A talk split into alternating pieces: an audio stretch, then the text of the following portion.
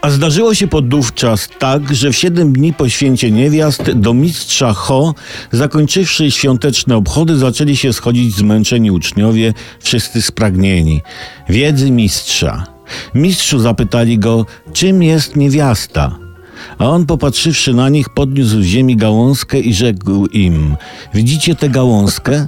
A oni odpowiedzieli, że widzą. A on im rzekł: To nie jest niewiasta.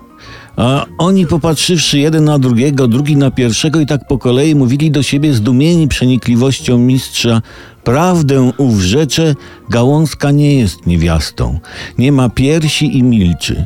A jeden z uczniów, niejaki Dydudes, najstarszy z nich, zwany Habrem, od koloru napoju, w którym znajdował upodobanie, rzekł: Gałązka nie ma też, ale inni uczniowie mu przerwali, gdyż pragnęli dalej wysłuchać mistrza Ho.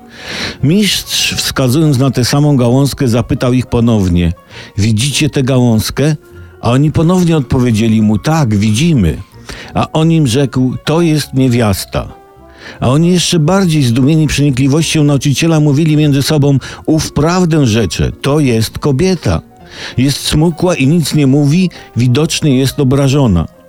Wtedy najmłodszy z uczniów, niejaki Wydymos, zwany Cypek co to baba, nie wiadomo dlaczego, wziął gałązkę z rąk mistrza i udał się z nią w krzaki.